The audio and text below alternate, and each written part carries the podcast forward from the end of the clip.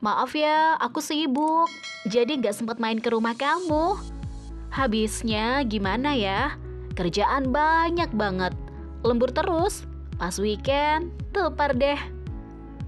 Hmm, sekarang setiap kali orang beralasan sibuk, saya mengartikan dengan tidak jadi prioritas.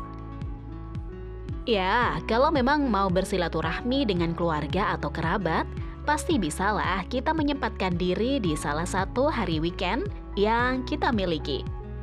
Nyatanya, dalam weekend-weekend itu kita memilih staycation bersama keluarga, jalan-jalan ke suatu tempat, wisata kuliner, nonton bareng keluarga, atau bikin aneka masakan di rumah. Artinya apa? Berkunjung ke rumah keluarga atau kerabat itu bukan prioritas kita. Kita selalu punya seribu satu alasan untuk tidak melakukan kegiatan itu dengan alasan sibuk. Padahal kalau bilang sibuk sih semua orang pasti punya kesibukan bukan? Kita bukan satu-satunya orang di dunia ini yang sibuk berat.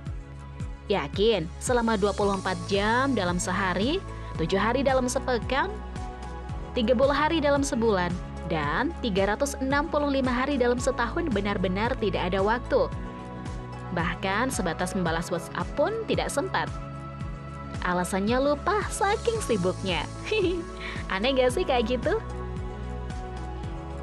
Sedihnya ketika tidak jadi prioritas orang terkasih. Suatu kali ada tuh orang yang untuk cuti kerja aja sulit. Sebut saja namanya Mawar. Tapi ketika ada keluarga atau kerabat membutuhkan bantuannya untuk pindah rumah, dia selalu ada. Ada waktu yang sengaja dialokasikan oleh Mawar. Bagi Mawar, benda pertama yang dipegang saat akan tidur dan bangun tidur adalah laptop. Kerjaan menuntut dia untuk selalu standby, meskipun dia sedang di rumah. Namun, ketika ada keluarga atau kerabat yang minta diantar ke dokter atau ada yang menitipkan anak, ada waktu yang sengaja dialokasikan. Kendati memang ada konsekuensi yang harus diambil oleh Mawar.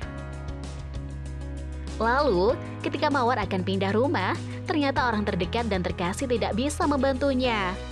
Alasannya sibuk, lantaran harus tetap bekerja meski itu di akhir pekan. Dan Mawar pun mencoba mengerti dan berpikir positif. Suatu kali ketika Mawar ada penugasan keluar kota, terpaksa dia tolak.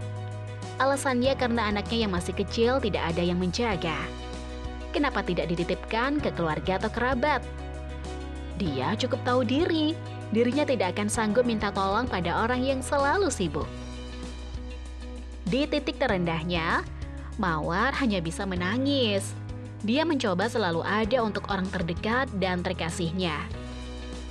Namun, dia tidak bisa berharap yang sama ketika membutuhkan bantuan.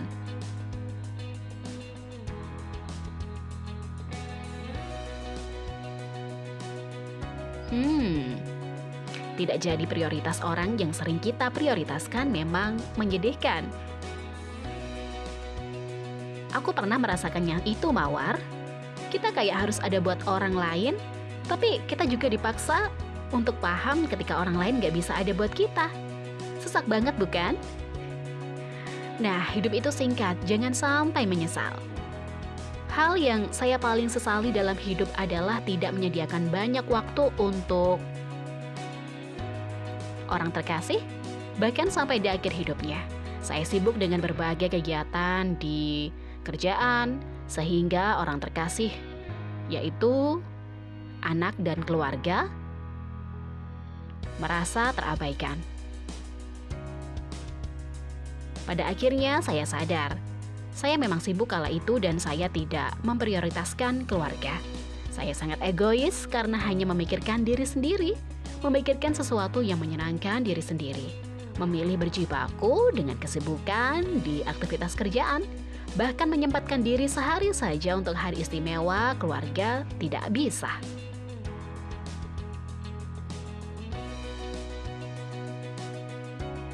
Sejak saat itu, saya bertekad untuk tidak mau menyesal lagi.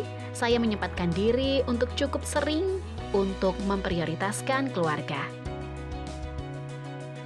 Kadang kita memang harus jadi lebih lelah ketika memprioritaskan sesuatu.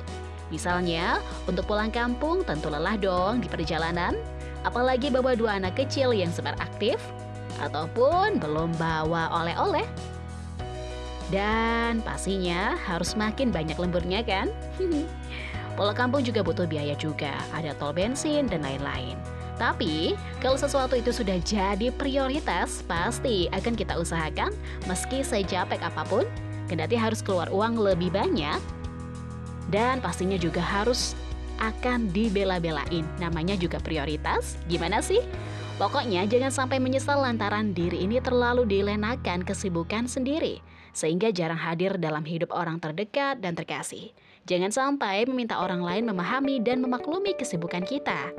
Tapi lupa bahwa orang lain punya kesibukan sendiri karena jarang hadir di kehidupan keluarga dan kerabat. Kita lantas merasa hubungan lebih jauh. Maksudnya ya jadi jauh gitu kan?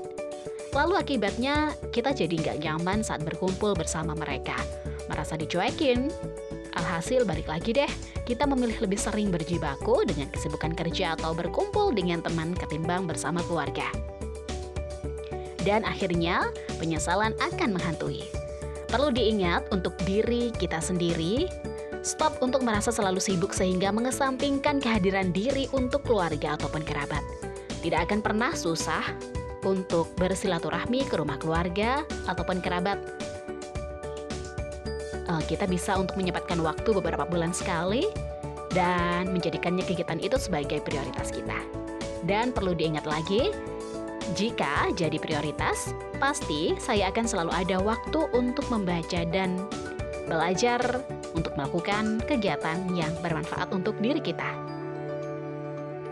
Dan mohon untuk teman-teman, jangan merasa jadi si paling sibuk ya, sehingga kita dapat mengabaikan orang di sekitar kita.